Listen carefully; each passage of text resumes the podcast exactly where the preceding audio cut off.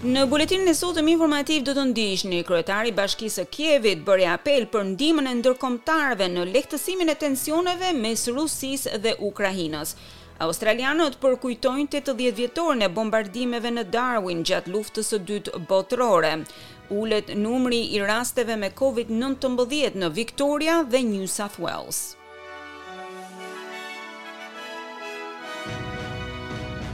Fillojmë më gjërësisht me lajmet. Rastet me Covid nëntëmbëdhjetë kanë rënë si në New South Wales ashtu dhe në Victoria, ndërsa janë lehtësuar kufizimet në të dyja këto shtete. New South Wales regjistroi shtatë mijë e gjashtëqind e pesëmbëdhjetë infeksione të reja nga nëntë mijë e dyqind e dyzet e tre që u regjistruan dje. Dymbëdhjetë persona të tjerë kanë humbur jetën, shtrimet në spital kanë rënë në një mijë e dyqind e nëntëdhjetë e shtatë persona, tetëdhjetë e një prej tyre janë në kujdes intensiv. Në Victoria u regjistruan gjashtë mijë e dyqind e tetëdhjetë raste të reja nga gjashtë mijë e nëntëqind e tridhjetë e pesë të regjistruara dje. Njëzet persona kanë humbur jetën ndërkohë që të shtruarit në spitale janë ulur në treqind e gjashtëdhjetë e tetë persona. Presidenti i Shteteve të Bashkuara, Joe Biden, tha se forcat ruse po synojnë të sulmojnë Ukrainën në ditët në vijim me kryeqytetin Kiev nën kërcënim të vazhdueshëm. Ai thotë se separatistët të mbështetur nga Rusia kanë përhapur dizinformata rreth sulmeve të Ukrainës dhe nuk ka asnjë provë për ta mbështetur këtë. Ndërkohë zëvendës këshilltari i Sigurisë Kombëtare tha se Shtetet e Bashkuara kërkojnë llogari nga Rusia për sulmet e fundit kibernetike në faqet e internetit të Ministrisë së Mbrojtjes. Presidenti Biden tha se Rusia ka një vendim për të marrë mes luftës dhe diplomacisë, për t'i dhënë kështu fund krizës në përshkallëzim, pasi ai u zotua se do të mbështesë popullin e Ukrainës.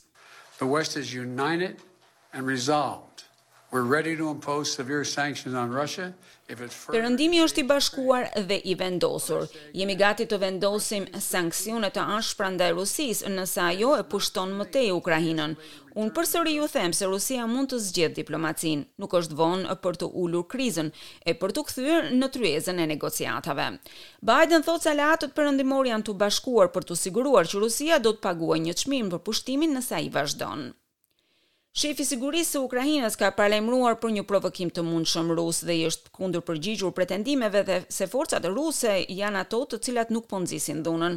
Oleksiy Danilov ndjehet i shqetësuar se evakuimi i banorëve nga Ukraina lindore është një përpjekje për të provokuar forcat qeveritare. Dhe kryetari i Bashkisë së Kievit ka dalë në skenë në konferencën e sigurisë në Mynih, duke kërkuar më shumë mbështetje nga ndërkombëtarët për të trajtuar këtë krizë. Moska me sa duket po përpiqet të kundërshtojë paralajmërimet perëndimore për një pushtim rus, duke u përpjekur të përshkruajë Ukrainën si agresore në këtë konflikt. Kryetari i Bashkisë së Kievit, Vitali Klitschko, tha se nevojiten armë mbrojtëse dhe se çdo sulmues do të përballet me pasoja. And every aggressor who just think to attack Ukraine have to understand they have Dhe çdo agresor që mendon se mund të sulmojë Ukrainën duhet ta kuptojë se do të paguajë një çmim të dhimbshëm. Jemi të gatshëm të luftojmë, të mbrojmë familjet tona, shtetin tonë, qytetet tona e qytetarët tanë. Kemi nevojë për mbështetje. Sekretari i Përgjithshëm i OKB-së, Antonio Guterres, deklaroi se do të ishte katastrofë nëse situata do të përshkallëzohej me një pushtim rus të Ukrainës. Ndihem i shqetësuar për vendosjen e trupave ruse në kufinjtë e Ukrainës dhe për rritjen e tensioneve, shtimin e spekulimeve për një konflikt ushtarak në Europë, tha Guterres. E ndërkohë, i dërguari për klimën, John Kerry, ndjehet i shqetësuar se tensionet mes Ukrainës dhe Rusisë do ta largojnë vëmendjen e botës nga lufta kundër ndryshimeve klimatike. Ai paralajmëroi se rritja e kostos së energjisë për shkak të krizës mund të pengojë vendimet e qeverive për masat e nevojshme të cilat duhet të ulin emetimet e gazeve serë. The prices of fuel will inevitably rise even more. It will push people towards the path of least. Çmimet e karburantit do të rriten në mënyrë të pashmangshme. Kjo do t'i shtyjë njerëzit drejt rrugës së rezistencës më të vogël, injorimin e krizës së klimës. Kjo do të shke sjellë shkatërrimin më të madh, tha ai. Kthehemi në Australi, ku premieri i Australisë Perëndimore Mark McGowan ka deklaruar se rihapja e kufirit të shtetit nuk do të vonohet përsëri, duke thënë se data e re e hapjes së kufijve tashmë është e vulosur. McGowan tha se tashmë ka arritur deri në atë pikë ku mbyllja e kufirit nuk do të mbrojë WA nga rritja e infeksioneve në ditët në vijim. Por, tha ai, nuk do të kërkojë falje që ka vendosur të mos i hapte kufijtë më herët. It was a tough call, one that caused inconvenience and disruption to those who had made plans around. Ishte një vendim i vështirë, një masë që shkaktoi shqetësim për ata që kishin bërë plane rreth kësaj date. Siç e thashë, më vjen keq, po na u desh ta bënim. Ishte vendimi i duhur për shtetin tonë. Ishte një vendim që shpëtoi shumë, nëse jo qindra jetë njerëzish, tha McGowan. E ndërkohë, banorët e Victorias janë kthyer pistave të vallëzimit mbrëmë nën kufizimet e lehtësuara të këtij shteti për klubet e natës dhe vendet e tjera argëtuese. Kufinjtë e densitetit për bizneset janë hequr, kontrolli nuk kërkohet më për klientët nëpër dyqane dhe në shkolla.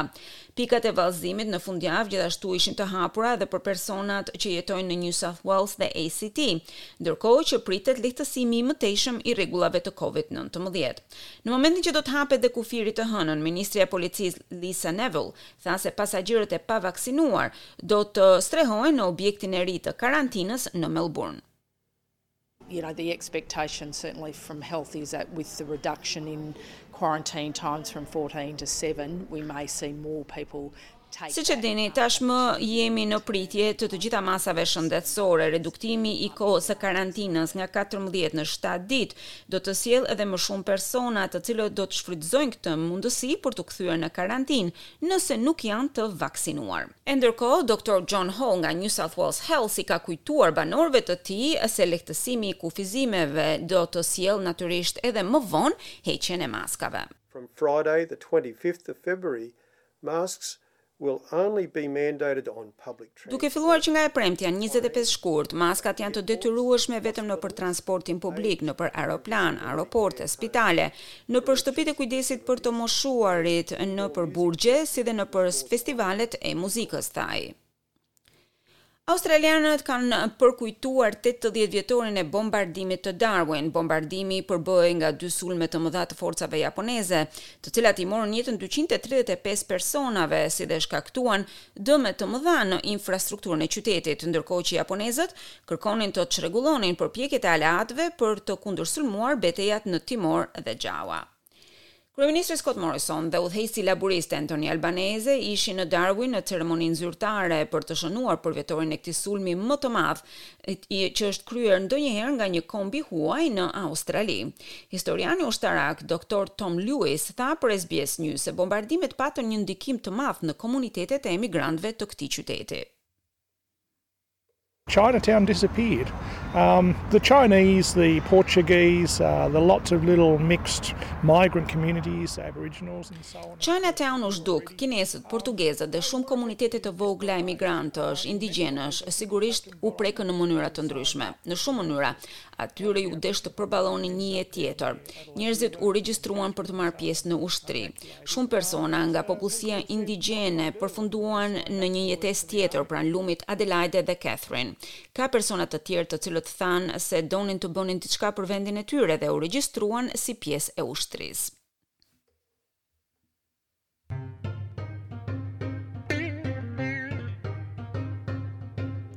Dhe kalojmë tani në kursin e këmbimit të dollarit australian. Sot një dollar australian këmbehet me 76.9 lek shqiptare, 0.63 euro, 0.72 dollarë amerikanë dhe tridhjetë e tetë pikë nëntë denarë të Maqedonisë së Veriut. Kalojmë në sport. Kombëtarja kuqezi e veteranëve të futbollit mori pjesë në turneun ndërkombëtar Kupa e Pavarësisë, të organizuar nga Liga e Veteranëve të Futbollit dhe Federata e Futbollit të Kosovës, me rastin e shtatëmbëdhjetë shkurtit, Ditës së Pavarësisë së Republikës së Kosovës. Në këtë turne që u zhvillua në kampin nacional në Hajvali, ndryshe nga herët e tjera, përveç përfaqësueses së veteranëve të Shqipërisë, veteranëve të Kombëtares së Kosovës, merrte pjesë një seleksion me ish-lojtarë të Greqisë. Në këtë turne u zhvilluan tre ndeshje. Në sfidën hapëse, Shqipëria u përball me Greqinë dhe kuqezinjtë fituan dy me zero. Në duelin e dytë, Kosova mundi Shqipërinë me rezultatin katër me zero, veteranët e Kosovës triumfuan dhe në ndeshjen kundër Greqisë me rezultat dy me zero, duke u shpallur kështu edhe fitues. Në fund, presidenti i FFK-së, Agim Ademi, i dorëzoi skuadrës së veteranëve të Kosovës trofeun Kupa e Pavarësisë.